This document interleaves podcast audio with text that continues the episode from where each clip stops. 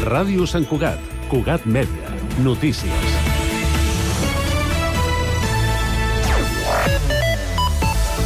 Bona tarda. A Sant Cugat hi ha 60 persones que viuen en una situació d'exclusió residencial severa. Segons dades dels serveis socials de l'Ajuntament, d'aquestes, 16 dormen al ras i 15 ho fan en barraques, cotxes o caravanes. La resta no tenen un habitatge segur o bé ocupen espais no habitables o viuen en llocs diferents i ho alternen amb el carrer. Aquesta és una realitat invisibilitzada a Sant Cugat que Cugat Mèdia explica aquest 10 d'octubre, Dia Mundial de les Persones Sense Llar. Des de Càritas expliquen que cal un treball important amb aquest tipus de persones, com diu Sagrario Palomino, treballadora social de Càritas Sant Cugat. L'escoltem. No tothom té la mateixa capacitat, han perdut també, hi ha gent que ha perdut habilitats socials i inclús la, el, el creure no, amb, les, amb les altres persones que es van creuen pel carrer. Vull dir que és, és un treball de, de, de crear vincle, de crear confiança, de donar espais en els que les persones puguin sentir més segures i a partir d'allà començar a treballar altres coses. Càritas compta amb el menjador social, el servei de dutxes i la bugaderia, a més de pisos d'homes o de dones, per lluitar contra aquesta exclusió residencial severa també existent a Sant Cugat. És dimarts 10 d'octubre de 2023. També és notícia que el Consell d'Administració de l'ENS Aigua Ter Llobregat, ATL, ha proposat aquest dimarts a pujar un 33,7% a la seva tarifa mitjana, que passarà de 74 cèntims a 99 cèntims per metre cúbic. L'increment haurà de ser validat aquesta tarda pel Consell de la xarxa Ter Llobregat i el Consell d'Administració de l'Agència Catalana de l'Aigua. Segons detalla la companyia, que és qui abasteix d'aigua a Sant Cugat, la pujada es començaria a aplicar al gener de l'any vinent i tindria un impacte d'un euro per persona i més, malgrat malgrat que l'import definitiu pot variar en funció de cada municipi. Entre els motius de la pujada que acaba amb una congelació de preus vigent des del 2017 i a la sequera el preu de la llum i el sobrecost que causa en l'ús de plantes desaladores. Els Mossos d'Esquadra ha incrementat la protecció de la comunitat jueva de Catalunya arran de l'atac de Hamas a Israel. En aquesta mesura preventiva està inclosa l'escola jueva Tikva, ubicada a Vall d'Oreix, segons confirma els Mossos a Cugat Mèdia. I Teo Ballesta i Guillem Estiguar és la parella guanyadora de la marxa infantil d'aquest 2023. A banda d'ells dos, el Club Muntanyenc concedeix molts més premis en diferents categories, com per exemple a l'escola amb més participants, que ha sigut el Joan Maragall. Aquests premis s'entregaran en un acte públic a la plaça Pep Ventura el dissabte 28 d'octubre a les 10 del matí. Poden consultar tota la classificació a www.cugat.cat. Res més per ara. La informació torna d'aquí una hora amb la mateixa sintonia.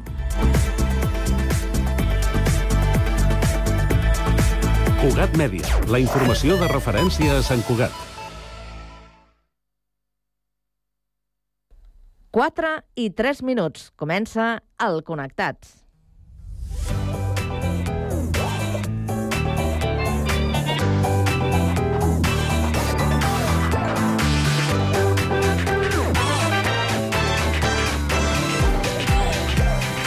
Connectats amb Carme Reversa.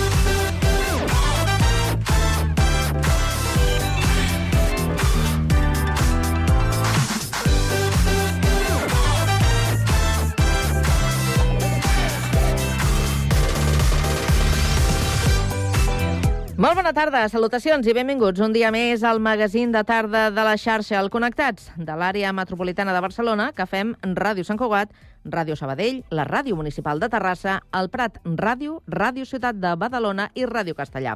Una salutació de tot l'equip, conduït a la part tècnica per Pablo Palenzuela, Jessica Rius a la producció i de qui us parla, Carme Reverte. Avui és dimarts, 10 d'octubre, i volem saber també quin temps ens espera aquesta tarda.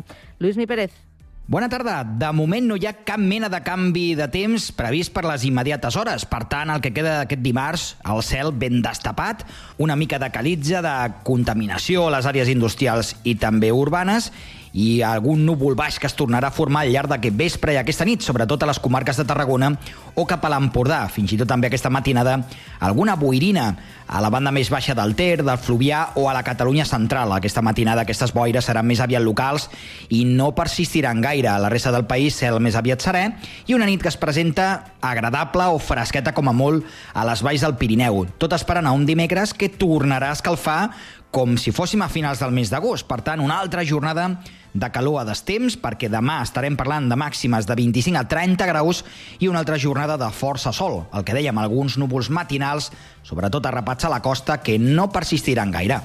Us seguirem a la xarxa.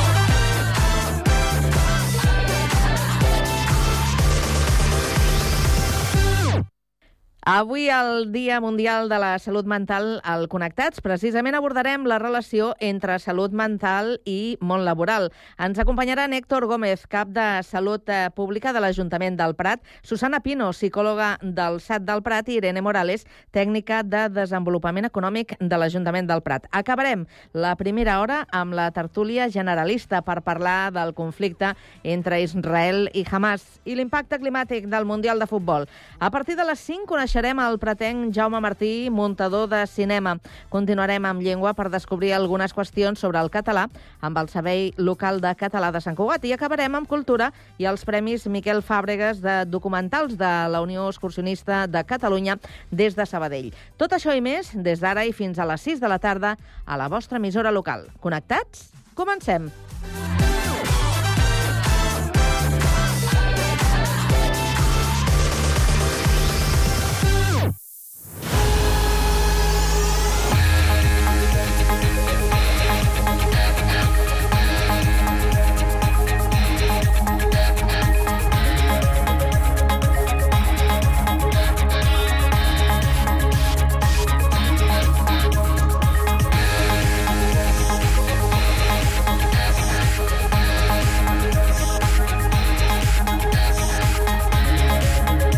les 4 i 6 minuts ens actualitzem, ho fem amb la ronda d'actualitat que obrim avui també per Terrassa. Sergi Estapé, bona tarda. Bona tarda. Dilluns van començar les obres de substitució de la gespa artificial del camp de futbol municipal de Can Jofresa. Van a càrrec de l'empresa Poligras i tindran una durada aproximada de 4 setmanes. La nova superfície és del tipus Filturf RGF que acredita un certificat de 350.000 cicles. Aquesta actuació era necessària perquè fins ara s'havia fet petits treballs sobre les zones més malmeses. De fet, la superfície ja feia anys que havia sobrepassat la seva vida útil. Les obres no inclouen ni el canvi ni la millora del ferm asfàltic, ja que està en bones condicions, però sí altres actuacions com millores als vestidors, la substitució de la barana perimetral del terreny de joc, la reparació dels trams defectuosos de la tanca exterior del recinte i la retirada de la gràdia supletòria. Els treballs s'han endarrerit sobre la data inicial prevista a l'estiu i això ha obligat a canviar l'activitat dels equips de la Unió de Futbol Base Java i Terrassa un cop començada la temporada. Mentre durin les obres, els equips s'entrenaran al camp de les Palmeres i també s'hauran de buscar altres escenaris per als partits quan juguin com a locals. Gràcies, Sergi. Seguim al Vallès Occidental. Anem a la cocapital, a Sabadell. Pau Duran, bona tarda. Bona tarda. Avui s'inicia al districte 6è la campanya comunitària Fem Salut, Som Emocions. És una iniciativa de la Taula de Salut Comunitària de Sabadell Sud, formada per diferents agents dels barris d'Espronceda, Campomor, Creu de Barberà i les Termes. La proposta neix després d'observar els resultats de l'informe del 2022 de l'estat de salut a la zona i veure que els trastorns d'ansietat són el problema més freqüent que es tracta al cap sud del districte. S'han implicat una xarxa xarxa d'entitats, veïns i veïnes, tècnics de l'Ajuntament, agents educatius i professionals de la salut. Un d'ells és el doctor Ramon Vilap, metge de família i referent de salut mental i comunitària del CAPSUD, qui demana al programa al matí amplitud de mires cap a les malalties mentals. La malaltia mental està estigmatitzada, però hem d'entendre la salut mental com un continu, no? Des del malestar emocional fins a malestar de la vida, uh -huh. fins a la malaltia mental, no? Però a vegades pues, tot sí. ho posem dins del mateix sac el diumenge, dia 22 d'aquest mes, tindrà lloc la festa del Fem Salut Som Emocions a la plaça de la Creu de Barberà durant tot el matí, amb sentinelles d'arquemis, xocolatada, can coral, gimcana, taller de memòria o percussió, per citar-ne alguns. El concert del grup Crec en tu, previst per avui a les 5 de la tarda, s'ha anul·lat i s'ha reprogramat també pel dia 22. Gràcies, Pau. Seguim ara des del litoral a Badalona. Andrea Romera, bona tarda. Bona tarda, Carme. La unitat de psiquiatria pediàtrica de l'Hospital Germans Trias i Pujol ha atès uns 70 ingressos hospitalaris des de la seva posada en marxa a inicis d'any. Entre les patologies més tractades trobem les conductes autolesives, les conductes suïcides, els trastorns de conducta alimentària i els primers episodis psicòtics. Aquesta nova àrea va començar amb 6 llits, però fa un parell de mesos ja es van incrementar a 12. A banda dels ingressos hospitalaris, els centre atén de mitjana entre dos i tres casos d'urgència diaris relacionats amb la salut mental dels menors d'edat. Maria Giral, coordinadora de psiquiatria infantil dels germans Trias, admet que han incrementat progressivament les temptatives i els suïcidis consumats.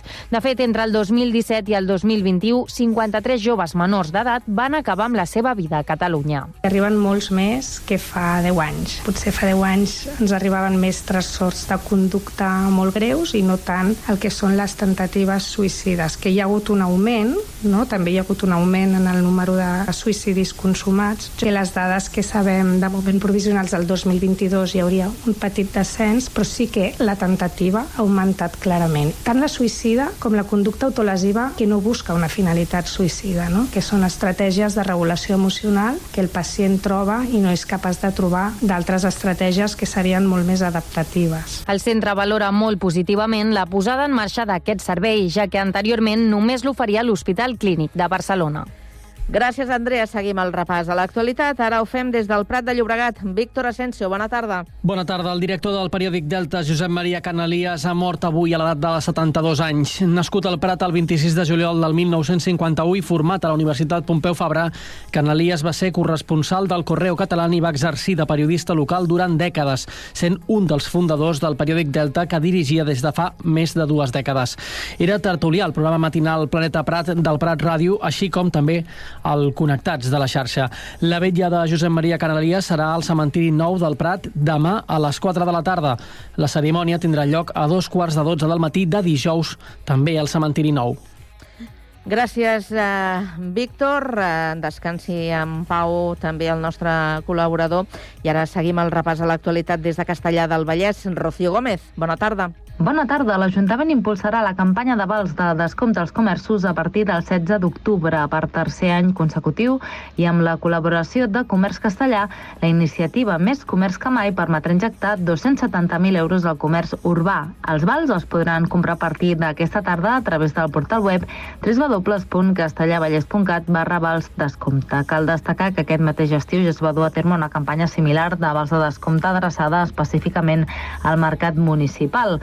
Com en les edicions anteriors, la campanya de vals de comerç castellà, cada ciutadà podrà comprar fins a un import màxim de 25 euros en vals, aconseguint d'aquesta manera un total de 50. Els vals podran ser per valor de 5, 10 i 20 euros. Gràcies, Rocío. Tancarem aquesta ronda d'actualitat amb la crònica de Sant Cugat. Jessica Ríos, bona tarda. Bona tarda. Sant Cugat està disposada a fer honor a l'immens i meravellós llegat de l'historiador Joan Beculla en una sala de plens a Besar amb representants de la vida política i social de la ciutat.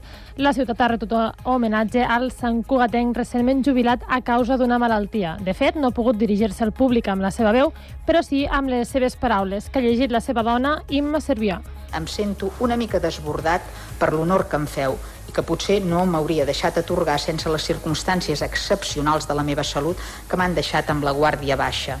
Ja m'ho sabreu perdonar mentre accepteu el meu agraïment més sentit i sincer. Mònica Tarriba, Raül Romeva, exalcaldes de Sant Cugat i més personalitats de la vida política i social de la ciutat han assistit a l'acte que ha servit de preàmbul al nomenament de Culla com a fill predilecte. Terribas hi ha fet referència. Siguis o no fill predilecte, que en aquest cas ho ets, ets fill predilecte d'un temps i d'un país que continuarem estimant quan et tinguem a la vora o quan no et tinguem a la vora, traslladant a les mil lluites que tenim pendents la teva anàlisi i la teva mirada. On vagis, guarda'm una cadira a prop teu, des d'on puguem seguir l'escena i comentar-la. La tinenta d'alcaldia Cristina Paraire ha presidit l'acte i ha avançat que els tràmits per nomenar fill predilecte ja l'han començat.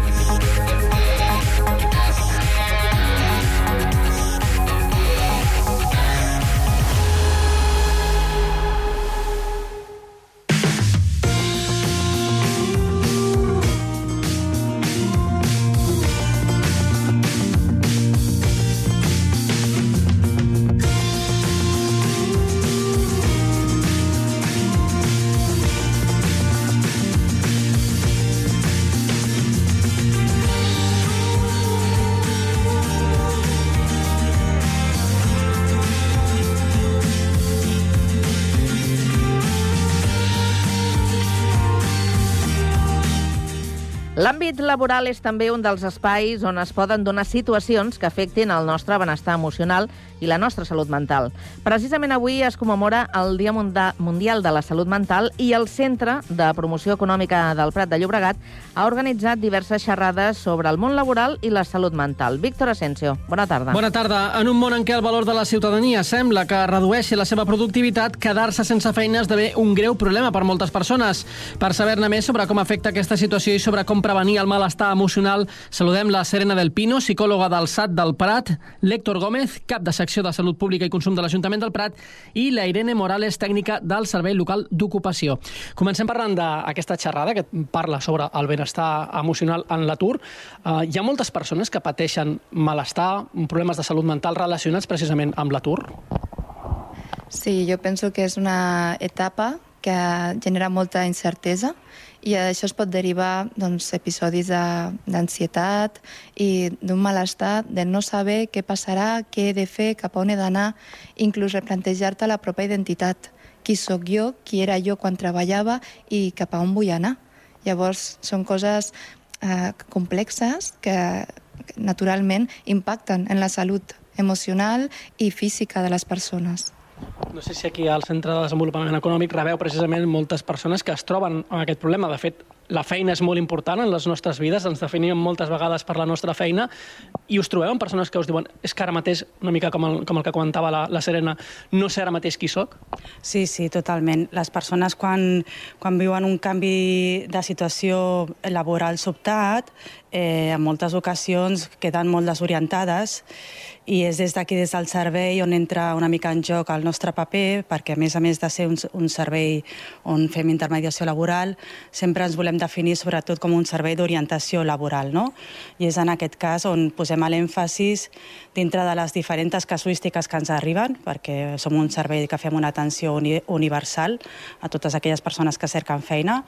Eh, sobretot fem aquest èmfasis en que som un servei d'orientació laboral i una miqueta en funció de la situació personal de la, de la, de la persona, doncs fem un itinerari d'acompanyament laboral que les persones valoren molt, aquest acompanyament. I ja ho dèiem que això també està relacionat amb el Dia Mundial de la Salut, precisament, que aquestes xerrades s'emmarquen amb això, i ara et volia preguntar, Héctor, precisament, heu decidit parlar, precisament, de la salut mental en l'àmbit del món laboral, que moltes vegades s'oblida. Per què s'ha pres aquesta decisió? Dintre de la taula local de salut mental comunitària, ja tenim un grup de treball que parla precisament de, de l'accessibilitat al lloc de treball i dintre del grup que estava organitzant la celebració d'aquest any 2023 es va decidir eh, centrar tots els actes, no només aquests, sinó tota la resta d'actes, al voltant de l'accessibilitat. I dintre de l'accessibilitat, un factor molt important és l'accessibilitat laboral. I d'aquí que l'acte central de demà va també sobre accessibilitat laboral i els diferents membres de la taula han triat els diferents actes que volien fer, sempre amb aquest fil conductor de l'accessibilitat. Ara, Serena, parlem d'una persona que es troba en l'atur. Hi ha diferents casuístiques, evidentment, en el món de l'atur, diferents persones que es poden trobar en aquesta situació al llarg de la vida, però quins són els símptomes o quines són les indicacions que fan pensar que una persona està en una situació de malestar emocional o fins i tot que té un problema de salut mental relacionat precisament amb aquest atur? Hi ha algun indicador que us, us posa alerta amb això? Clar, hem de tenir en compte que no estem acostumats a escoltar el nostre cos, que és, quines senyals ens està donant ens està donant. En aquesta situació i en totes, també laboralment, podem estar provocant-nos provocant o ens poden estar provocant un malestar emocional.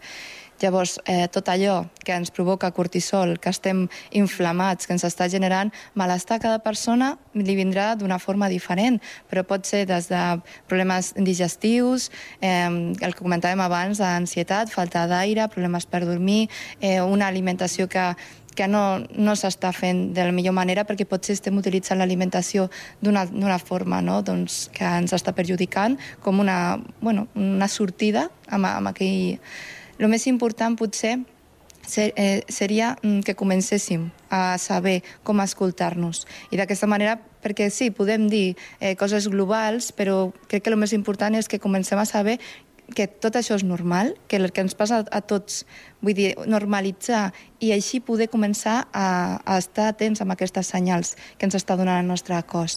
Perquè sí, podem parlar d'estrès, d'ansietat, de depressions, de, bueno, una apatia, el, doncs, eh, aquesta sensació de per què m'aixeco avui, quins objectius tinc, que val la pena, perquè tinc que tenir una bona actitud, si m'està costant tant aconseguir el que vull, sobretot quan estem amb aturs de llarga durada. O sigui, aquesta desesperança de dir, bueno, mm, no puc fer res. És com una indefensió a pressa. Seria el, el pitjor que ens podria passar, pensar que no podem canviar-ho. De fet, ara ho has comentat, les persones que estan amb un atur de llarga durada eh, normalment són persones també més grans, que estan moltes vegades al final de la seva etapa laboral. La gent jove potser mm, troba feines, encara que siguin més o menys estables, que siguin més o menys, eh, doncs, dign, diguéssim, en millors o pitjors condicions, però en troben més feines, no?, normalment, que la gent més gran. No sé si aquí el factor de l'edat també genera un pes afegit en aquestes persones. Clar, aquí estem parlant de l'edatisme, no?, de perquè les empreses a vegades doncs, són edatistes i poden doncs, fer aquest eh, eh, viatge de dir, doncs, amb aquesta persona doncs, té aquesta edat, ja no hi confio, o, bueno, això podria passar, però això també és una creença limitant, i si només ens quedem, això no passa sempre, i no en tots els àmbits i tots els sectors. Llavors, si ens quedem eh, pensant de que com tinc aquesta edat ja no trobaré feina, també és una creença que ens, eh, ens impedirà poder evolucionar i buscar-la i tenir una actitud positiva. La, moltes empreses mm, busquen persones amb, amb, amb edats avançades perquè poden aportar moltíssim. Llavors, eh, aquesta creença de la gent jove troba abans feina, mm, bueno, hauríem de, de donar-li una volta, perquè és quina feina vols, cap a on vols anar, què vols aconseguir. I aquí comença quines aptituds tinc jo. De fet, el taller d'avui hi ha una mica sobre això, no? Quines aptituds tinc jo, què puc donar, i, i llavors ja tota la nostra ment anirà enfocada cap a allò, tindrem un objectiu. Mm, pensar que per una edat ja no tindrem més possibilitats d'atur, doncs ja ens, ja ens condiciona. I Irene, no sé, en el, en el cas del, del desenvolupament econòmic, des d'aquí, des del Centre de Promoció Econòmica, heu detectat precisament que hi ha diferents perfils de persones que tenen problemes de benestar emocional relacionats amb l'atur, Uh, ara parlo de, de seccions, eh? tant d'edat com comentàvem ara amb la Serena, com també podríem parlar de gènere. No sé si homes i dones ho afronten de forma diferent, si precisament el jovent també és més conscient del tema del benestar emocional i potser acudeix més, tot i que potser no, no tinguin aquestes, els mateixos condicionants. No sé si això s'ha detectat o, o s'aborda d'alguna forma. Eh, mira, com, preparant aquest taller comentàvem una mica, no? les persones també en funció també del, del, les persones són persones polièdriques, no? i també en funció també del, de l'entorn que tenim, del suport que ens estan donant, del moment vital que estem vivint, no? Hi ha un procés de recerca de feina que potser depèn del moment en el que estàs, doncs eh, el pots entomar amb més seguretat o amb menys seguretat. Una mica amb, el fil que ens comentava la Serena, el tema de les creences limitants, no? eh, és molt diferent si tu parteixes d'un punt en el que estàs empoderat, en el que et sents segur, en el que tens feta una bona identificació de les teves competències i tens clar cap a, cap a quin objectiu laboral les vols dirigir. Això empodera molt a les persones. És una de les tasques que també fem des d'aquí, des del servei local. En els nostres itineraris, una de la un dels factors que es repeteixen és aquest, aquest també una mica empoderament de, de les persones perquè enfrontin els, els processos de selecció amb seguretat. Eh, i el que et comentava, és una mica també, no es pot definir un, un perfil, eh, és un, també té molt en compte del procés, del moment vital en el que està la persona, també de la seva disponibilitat, no? Eh, les disponibilitats de les persones van canviant al llarg del temps i, i és complexa. No, bueno, s'ha de tenir en compte moltes, molts factors.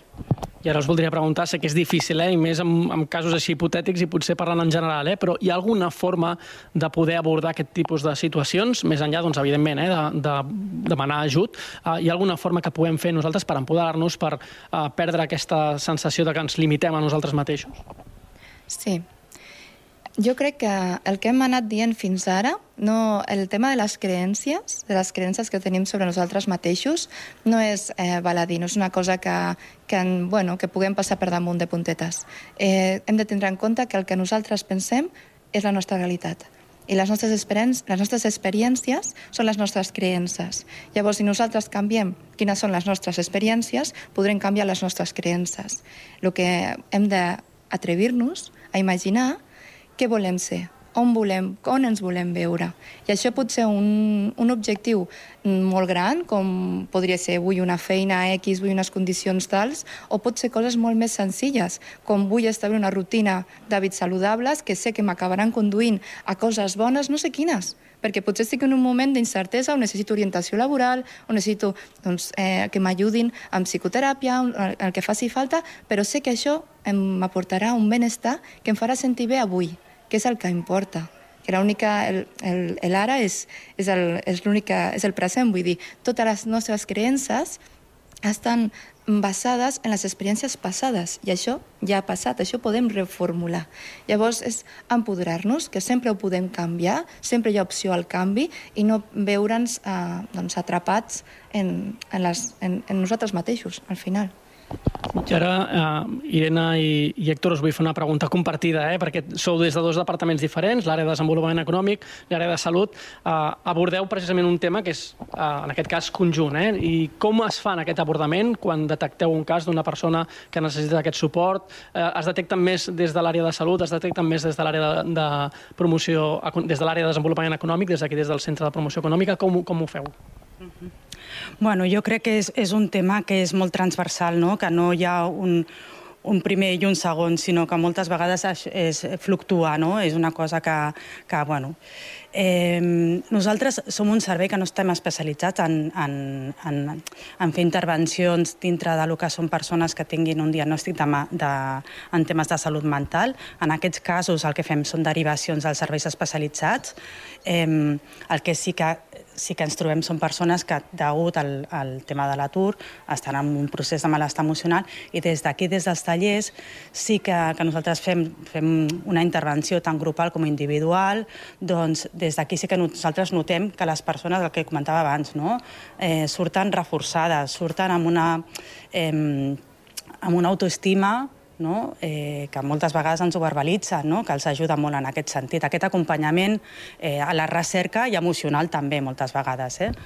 A, a nivell d'Ajuntament tenim molts recursos comunitaris, començant per l'Espai Situat, que és la porta d'entrada a tots els recursos de salut mental que, que posa a disposició l'Ajuntament, i el que estava comentant la Irene, qualsevol mm, situació en què s'entengui la necessitat d'una derivació, si clarament hi ha un problema de salut mental, la derivació és als serveis sanitaris, atenció primària, als serveis especialitzats, i si no, la porta d'entrada a tot qualsevol tema de dubte, d'informació, de voler aprofundir una miqueta més amb aquest, mm, sense arribar a una, a una fase de diagnòstic, però sí conèixer una mica més d'on ve aquest malestar d'aquestes persones, el que s'ha de fer servir és l'espai situat, que és obert a tota la ciutadania, i a partir d'aquí el psicòleg orientarà cap a quin és el millor recurs, ja sigui municipal o d'alguna altra administració o d'alguna entitat, a qui s'ha d'adreçar aquella persona que està en una situació de patiment emocional més enllà d'aquest patiment basal, d'aquesta incertesa que estava comentant la Serena, de la, la pròpia recerca de feina. Si detectem alguna coseta més, sempre derivar-lo a l'espai situat, perquè davant del dubte, si, si la persona que està tenint l'espai situat, el Cristian, detecta que aquesta persona requereix un servei sanitari, ja els, es preocuparà ell també de la derivació.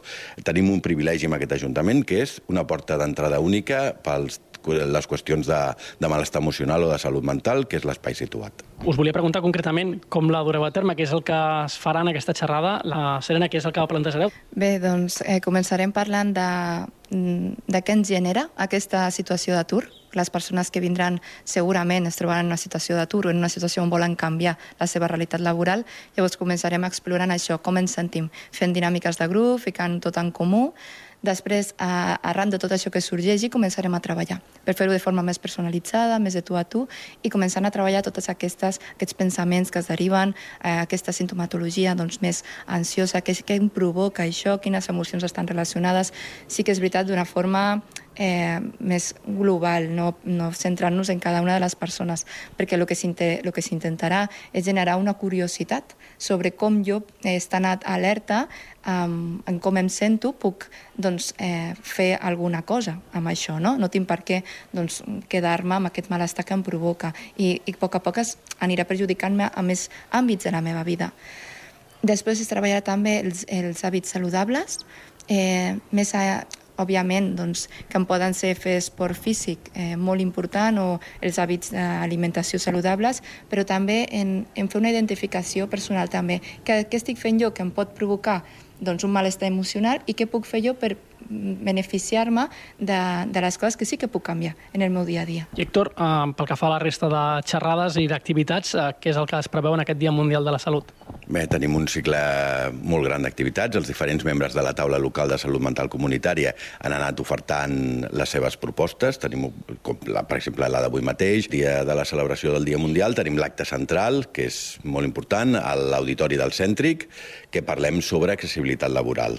El tenim una xerrada primer de la Begoña Roman i després una taula rodona amb els diferents serveis de territori que s'encarreguen d'inserció laboral amb persones amb patiment emocional amb, o sense diagnòstic, que serà extremadament interessant. I la resta d'actes els podeu veure, com sempre, a, a l'agenda municipal. Doncs amb aquest resum dels actes que hi haurà i recordant també eh, que l'Ajuntament del Prat manté aquest servei sempre al llarg de tot l'any i que no és només avui amb aquest Dia Mundial de la Salut. Us donem moltíssimes gràcies per estar avui amb nosaltres, a l'Hector, a la Serena i a l'Irene. Moltíssimes gràcies. Gràcies. Merci.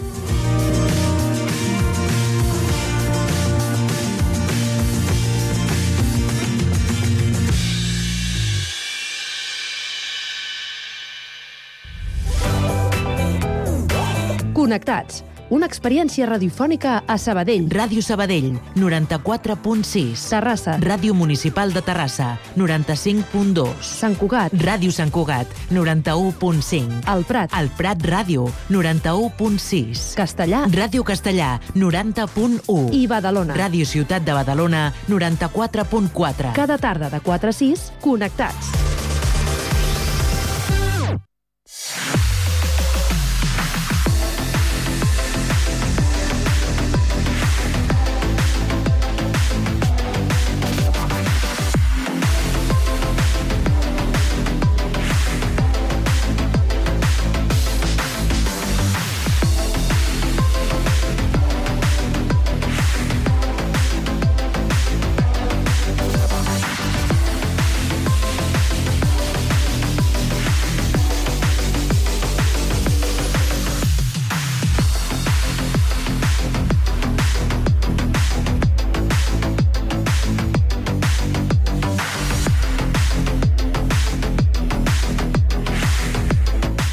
Passa un minut eh, de dos quarts de cinc de la tarda i és temps ara per a la tertúlia. Aquest espai d'opinió avui el compartim amb el Manel Esteban, que és coach empresarial, expert en comercialització i gestió de vendes, com sempre a Badalona. Manel, bona tarda. Manel, el tenim? Està, el tenim a Badalona, ara veurem com l'incorporem. Mentrestant, anem saludant a l'Ester Amiel, que és artista i activista, la tenim a Sabadell. Ester, bona tarda. Hola, hola, bona tarda. Molt bé, doncs a la Dolors Vilarassau, que és directora teatral, la tenim a l'estudi de Sant Cugat. Què tal, Dolors? Hola, bé, i vosaltres? Molt bé, molt bé. Sí. Aquí, pendents de veure si resolem eh, la- l'entrada del Manel, que em confirmaven que sí, que ja estava a punt, als estudis de, de Badalona, però de moment no, no el podem saludar. Manel? No, no hi és. Doncs eh, a veure si és possible eh, la recuperació del tercer tertulià d'avui. Mentrestant, doncs eh, anem avançant en les qüestions que avui ens ocuparan en aquesta tertúlia.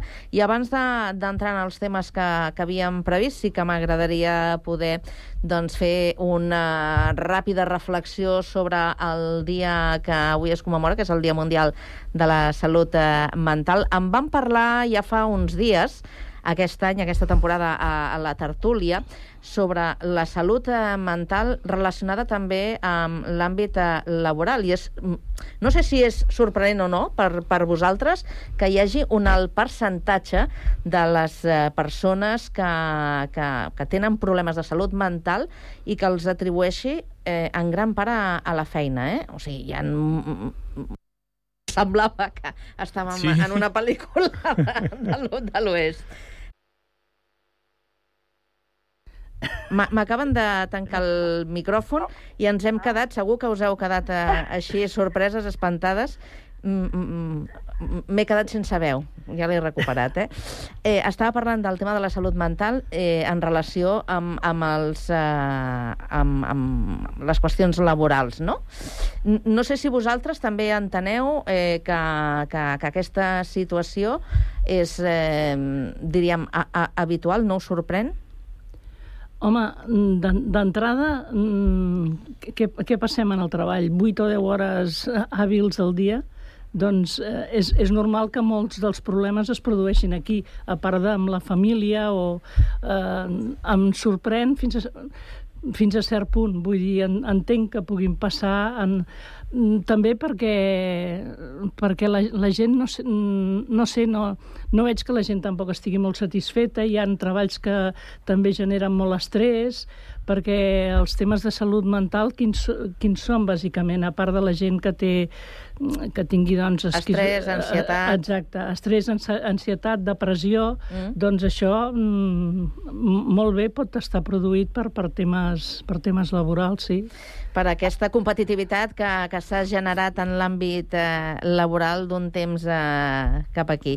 Esther, I també que les, que les condicions de treball, de feina, cada vegada són més precàries en molts llocs de treball, Sí. tant a la privada com a la pública. Eh? Estic pensant també en empresa pública, que vull dir en administració pública, que uh, temes de conciliació, que això sí que la pública està una mica més més cuidat, però a la privada la conciliació és una cosa molt important, sobretot per les dones. Uh, no ens hem d'enganyar, i és una cosa que també porta molt de corcoll a molta gent. La conciliació, que un, el sou sigui just, que no hagis de fer moltes hores, o sigui, hi ha, hi ha jornades de 12 hores, no? Recordeu el que deia el de, el de la restauració, el, el president Mm. de, Sí, aquest sí, estiu, sí, sí. que deia, hombre, la meitat de la jornada, 12 hores. Doncs això és el que hi ha.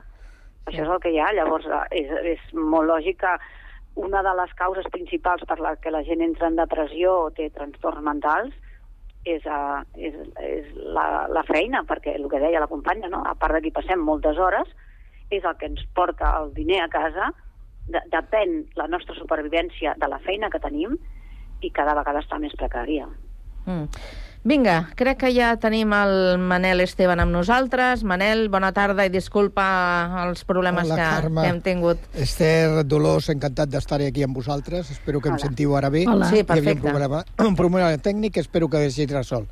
Estàveu parlant el tema de la salut mental aplicada en el món del treball Mm. i la veritat és que sí, al final eh, no solament té que ser en el treball, en la vida mateixa, o sigui, al final la salut mental és un problema que està molt arrelat en la nostra societat, no, no solament en l'àmbit en l'àmbit eh, eh, laboral, sinó també en tot tipus d'àmbits. O sigui, al final eh, tenim que tindre una bona salut mental i per tindre una bona salut mental tindrien que tindre unes bones condicions de treball no? i que se'ns respectessin sobretot els drets laborals, cosa que en l'últim temps crec que després d'un gran esforç per part de les nostres generacions anteriors de guanyar-nos uns drets laborals s'han anat minvant i cada vegada van a pitjor, no? O sigui que realment entenc perfectament que hi hagi un increment important en quant a la salut de la gent a l'hora del treball, perquè el treball és precari, el, que, el treball està mal pagat, majoritàriament parlant, no? i això és normal que acabi perjudicant no? la salut mental de les persones.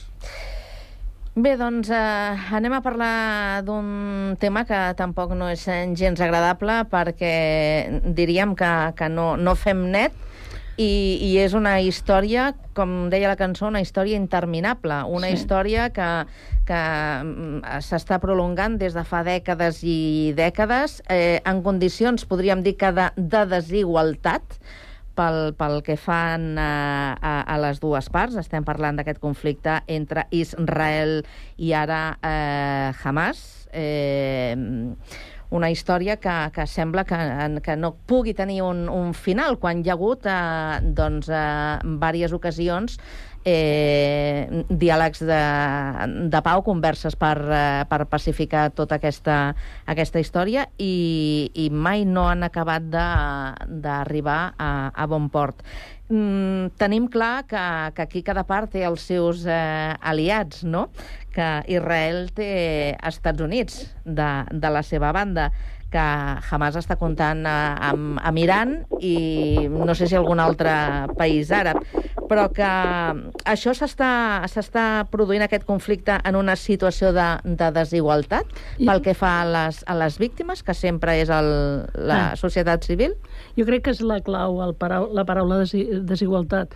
Quan veiem imatges, veiem, eh, per exemple, eh, Israel, doncs, una societat molt militaritzada, molt controlada, amb molt armament, amb moltes possibilitats eh, bueno, de, de, de, bombes, eh, de bomba atòmica, de, bueno, de tota una sèrie de coses, i, i, i clar, aquest, aquesta gent exerci, exercint eh, un control en les fronteres amb tot aquest tipus de, amb tot aquest tipus de, de, d'aparells que tenen i tot això, i llavors, és clar veiem una mica el tema de l'altra part, que és els palestins, que llavors, és clar, sorgeix el terrorisme, perquè com que, els, clar, hi ha dos terrorismes, no? Els terrorismes d'estat i el terrorisme que no és d'estat, no? I llavors, és clar, sorgeixen aquests grups com Hamas, impresentables també, per altra banda, però que és, és el seu sistema de, de lluita. No, no sé això com, com, com s'ha d'acabar, perquè, clar, això ja sorgeix com, eh, com una... Clar, s'ha parlat de guerres de religió, es parla de coses d'aquest tipus, però és com una necessitat o com, un, eh, com una aposta que fa el món occidental per posar un peu en els països àrabs, no? la creació del, de l'estat d'Israel, no? O sigui, és la manera de tenir eh, un domini sobre tota aquella zona doncs, que és àrab, no? I no sé, és que jo no sóc cap estratega ni tot això, em sembla un una desgràcia tot això que està passant i tampoc sé, clar, hi ha d'haver una mediació, potser s'ha de reconèixer, no, sense potser, a l'estat de Palestina, igual com es reconeix a l'estat d'Israel, i no sé gaire bé com, com, com s'ha de solucionar. Clar, sempre ens demanen els opinadors com ho solucionaríem. No, sí, sí. Eh, vinga. D'entrada, jo d'entrada el que faria és reconèixer el poble palestí sí, com clar. a entitat, sí. com, a, com a, no? Com a tenir Clar. dret a tenir el seu espai, la seva terra. És que ja hi era fora, abans, ja, sistemàticament. ja hi era Ah, abans, exacte. no? Clar. Llavors, clar, el que ha passat ara, No, uh, no. bueno, és, és sense que s'entengui malament, eh? Vull dir, no, no és que em posicioni a favor de Hamas, perquè no ho faré mai a la vida, això, eh, però és que no és gratuït l'esclat que hi ha hagut ara després de mm, dècades d'assetjament contra el poble palestí, hi ha hagut un, un moment que han dit, bueno, prou, fins aquí, no? Les maneres són molt discutibles i, evidentment, eh, condemnables del tot. Però eh, des del 67 crec recordar que hi ha més de 20.000 nens palestins a, a les presons israelian, israelianes. Vull dir que... Eh, I la comunitat internacional no hi ha fet, no hi ha posat mai la mirada perquè no convé. No. I perquè los malos sempre han sido los mismos. Vull dir, uh, si això estigués passant entre, entre Ucraïna i Rússia, aquest nivell d'agressió i tot el que ha dit el primer ministre israelí, el que va dir ahir, el que està dient avui, els estan demanant que es faci un corredor humanitari perquè la gent pugui sortir i han dit que no, que ni això, o sigui, els volen matar a tots, el que volen fer és un genocidi. Israel està proclamant un genocidi amb el vistiplau de la comunitat internacional. O sigui, és, és delirant, és delirant el que està passant. Amb, amb, amb Palestina des de fa dècades ja, però ara és, és, és el colmo. La veritat Sí. és que eh, l'estat eh, de Palestina com a estat no, no havia existit mai, perquè de fet eh, quan va haver-hi la diàspora, quan es va desfer a l'imperi otomà, aleshores eh, allò era un protectorat, un protectorat anglès, i en l'any 1948, després de la Segona Guerra Mundial, a les Nacions Unides es va votar si establir un, eh, un, un estat eh, Israel eh, d'Israel en, en, eh, en, en aquest territori, no? I es va votar que sí, i aleshores, eh, en aquell moment, en el moment que van votar, els palestins van considerar que tenien que lluitar contra els eh, jueus i els jueus el que van fer va ser defensar-se. Eh, L'estat de- d'Israel és un estat en, est- en perpetu estat de defensa perquè se sent eh, se sent rodejat d'enemics per tot arreu i a més que no l'oculten en absolut o sigui, la, Perdona. la, prova- la, per, perdó? Eh, eh, És que jo no sé si ho he entès bé. Que Israel se sent atacat per tot arreu constantment, has dit? Eh, el, el, eh, Israel està envoltat d'enemics per totes bandes, per totes, absolutament per totes. O sigui, totes. No, no, no estic justificant-lo, eh, ni molt menys. Estic, Ja, ja. eh, estic eh, posant una realitat. Aleshores, per què, per què, el, eh, per què eh, estan en, en, en un estat de defensa permanent los, eh, los israelians? Per, perquè se tenen que defensar perquè estan envoltats d'enemics, ni més ni menys, no? I la prova la tenim en què basta que eh, eh, se, mm, en, en Gaza que l'únic que fan és un odi permanent, o sigui, però l'odi és mutu, Tu eh? creus L'odi no els és solament... palestins- No, no, Tu creus que els, els Eh, nens perdó? palestins són els que, els que ataquen a Israel, els nens palestins? Anem a lo fàcil, el, eh? el, Ah, el, els, nens, pase- el, els nens palestins, a la, sobretot a la, a, la gran, a la franja de Gaza, creixen en un estat permanent d'odiu no, a l'enemic que és Israel per a ells. O sigui, i aquest odi permanent fa que no faciliti en absolut el poder arribar-hi a un possible acord que seria l'ideal per tots, que és establir un estat palestí i un estat d'Israel en convivència, no? i cada un a la seva part. Però com eh, l'odi és eh, mutu, eh, no, no, i, i ho reconeixo, és, és, és un odi mutu, o sigui, per una part los israelís, sobretot los, los, eh, més extremistes, odien a los àrabs, no? i los àrabs creixen en, una, en un estat de repressió constant en una franja de 10 quilòmetres d'ample que viuen més de 2 milions i mig de persones, que permanentment no, se les odia, en la, en, se les inculca l'odi l'odi a, a Israel. I què és el que passa? Que a vegades passen com, co- coses com aquestes i, des de luego, eh, los, los israelis tenen les armes necessàries per deixar tot això fet un solar si volguessin.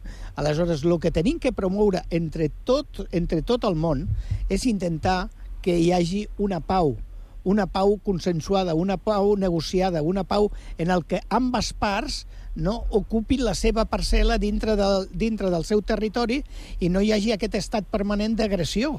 O sigui, si no es demana una altra cosa, inde independentment que no justificarem... Començant pel, pel govern d'Israel, començant pel govern d'Israel, perquè aquests últims anys o sigui, Sí, ja hi sí, havia jo no aquesta dic- jo- suposada pau i continuaven agafant Jo no nanos dic els lo contrari, és la, és la societat internacional la que té que ajudar i, i, i favorir el fet de que hi hagi una negociació. Si no, no sortirem d'aquesta, eh?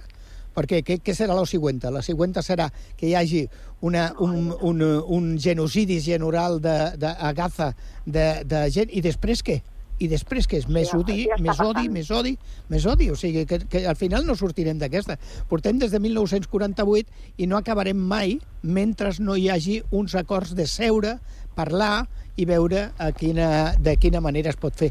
Mireu, per exemple, com eh, la part de Cisjordània és molt més eh, receptiva, molt menys violenta, no? independentment que hi ha moltes disputes, però es negocien, però clar, un grup com, com, com Hamas, que és un grup eh, finançat eh, per, eh, per Iran i, a més, és un grup belicista, un, un grup que, que, que, que bueno, la, la prova la tenim en la, en la desfeta que acaben de fer, o sigui, això és un magnicidi, això és, un, això és el que han fet és un crimen d'anar contra la població civil. I després, no? Eh, aleshores nosaltres tenim que anar en contra de que això torni a passar, que lo facin els israelis contra la gent d'allà. O sigui, el que tenim que fer és que si tenen que lluitar, que lluitin entre militants, entre, entre, entre los, que, los que estan en peu de guerra, però que deixen a la població civil en pau. Tant Clar, el, el problema com, és aquest, com- però jo torno a insistir en un, en, un curs, en un concepte, Manel, i, i, i tant és una... O sigui, Desigualtat. La desigualtat. La desigualtat eh, ja també eh,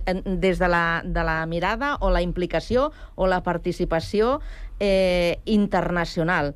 Eh, mentre uns, si no recordem les intifades, eh, mentre uns estan a, atacant amb un exèrcit professional amb tancs, eh, amb, eh, amb armament, eh, com, com es defensaven o com lluitaven els altres? Amb pedres. És David contra Goliat. És David i Goliat la, la lluita. I, i Eh, no oblidem que que les, recordar- les víctimes, les víctimes Eh, tenim tant que són d'una recordar, banda com de en el l'altra. 68, en el 68 van entrar tots els exèrcits de, que envoltaven totalment Israel, tant el siri com el libanès, com l'egipci, van intentar en el Yom Kippur, la guerra del Yom Kippur, intentar desfer a un estat que no estava pràcticament armat, que aleshores era un estat que sí que es defensaven, no diré amb pedres, però sí amb, amb escopetes, no? Eh, I van tindre que lluitar contra tancs, contra avions, contra... No? I, I els indefensos eren els israelis, però els israelis tenien tanta força de voluntat d'estar estar-hi allà i tant creien en el dret d'estar-hi allà que es van... Su, eh, eh, eh, Doncs el mateix dret que també la reclamen els palestins, no? No és, és ni més ni menys, si és que és exactament el mateix. Però El hi ha que un desequilibri de forces.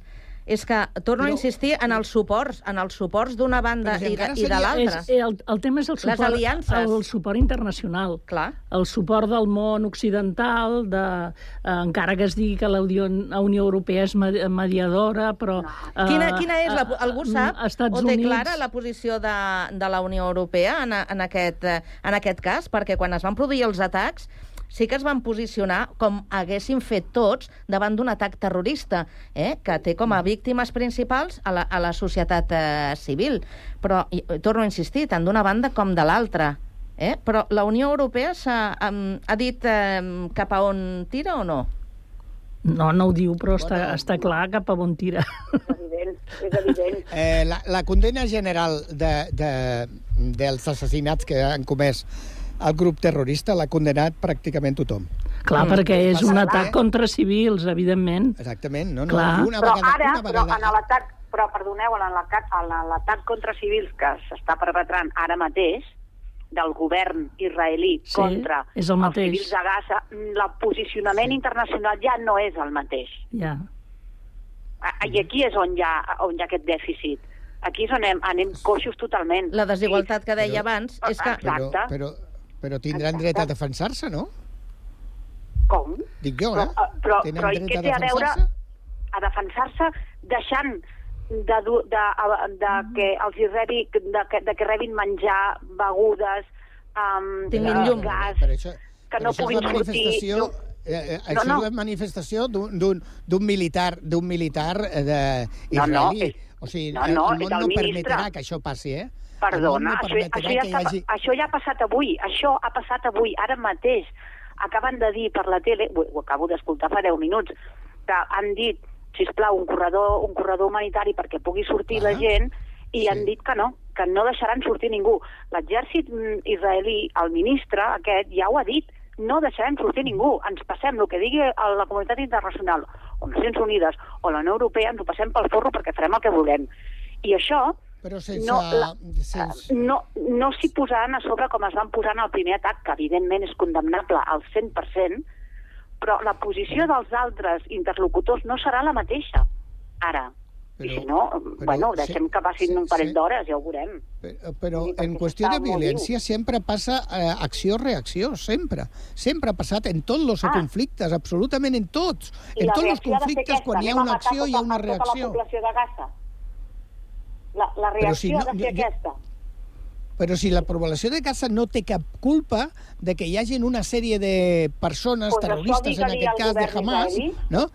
Sí, però, eh, però és, que, és que aquella gent que ha entrat al territori israelí i ha matat a no sé quantes persones, a, a, a desenes de persones, Sí, no? sí, sí. s'amaguen entre la població. No, no, no es queden a la frontera dient vale, aquí esperem a l'exèrcit i es defensarem i si, acabem, si acaben a nosaltres o nosaltres amb ells. No, no, se fiquen dintre de la població no? i on diran a buscar-los los I que tenen tot el el dret que- a defensar-se. Mira, amb, amb, amb un percentatge molt més baix ha passat durant un any i mig de, amb Rússia i Ucraïna i ens posaven les mans al cap i intentaven frenar-ho tot, han mort dues persones a no sé on, a Ucraïna, a no sé quin poblat de no sé què.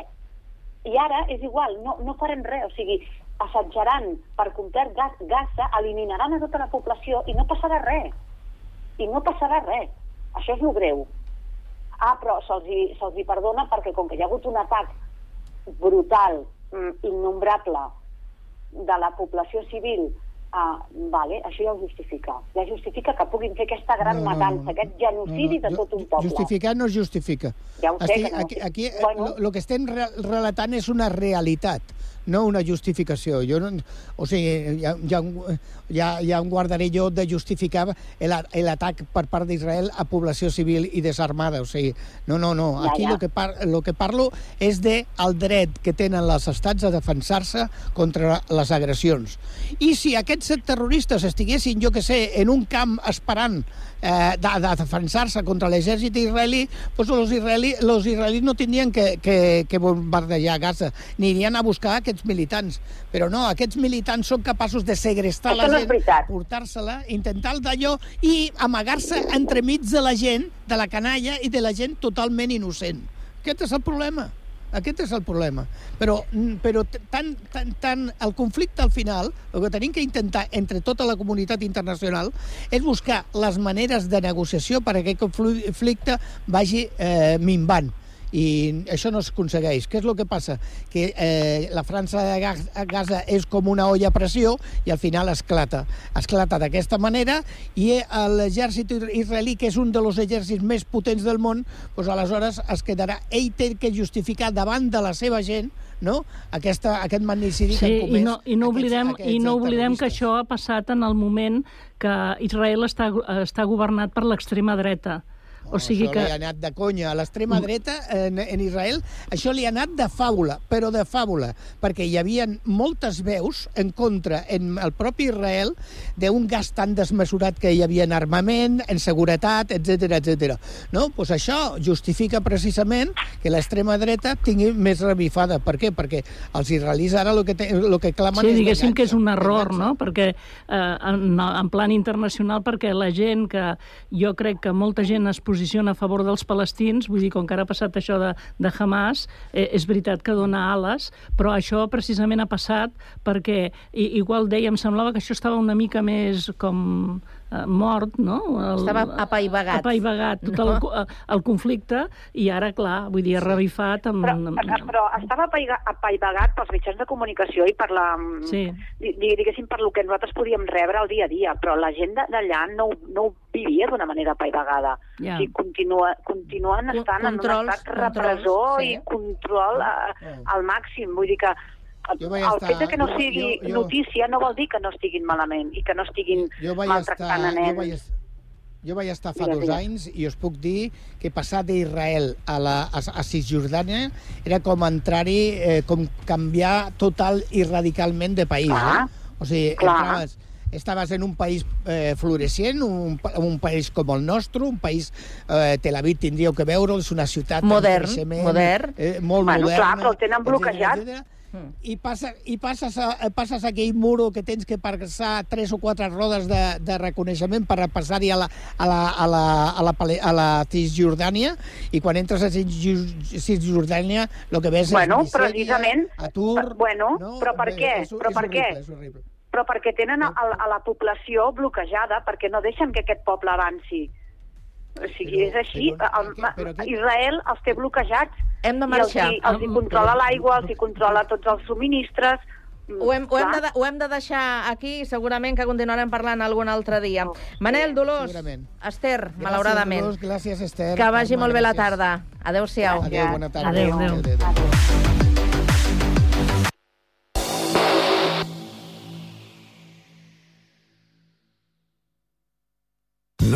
mateix ser els integrants del millor grup de la història que ser el millor grup de la història.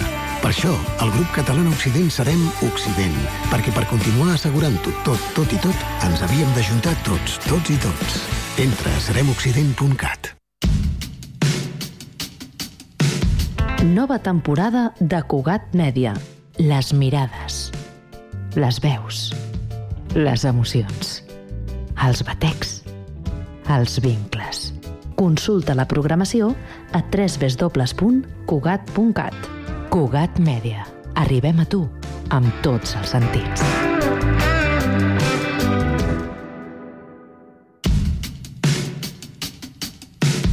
Nova temporada de Cugat Mèdia. Les mirades. Les veus. Les emocions. Els batecs. Els vincles. Consulta la programació a www.cugat.cat. Cugat Mèdia. Arribem a tu amb tots els sentits.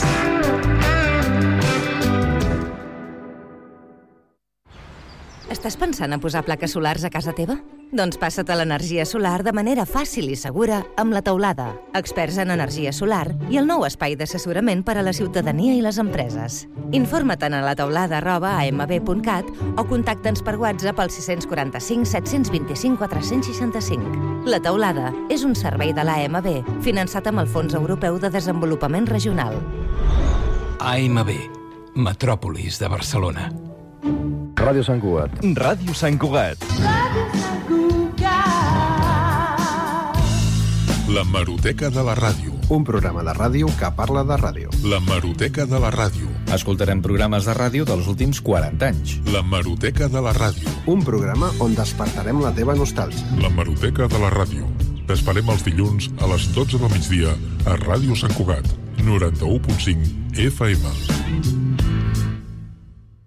Cada mes, els alumnes dels instituts Leonardo da Vinci, el Centre de Formació d'Adults i el Col·legi Pureza de Maria expliquen l'actualitat dels seus centres a Ràdio Sant Cugat. Primer de batxillerat van visitar el laboratori. Al final de cada classe ens fa un experiment. També ens fan recomanacions. De fantasia eh, puc dir eh, una saga que es diu Crave. Ens diuen què els agrada. Jo espero els canelons de l'àvia.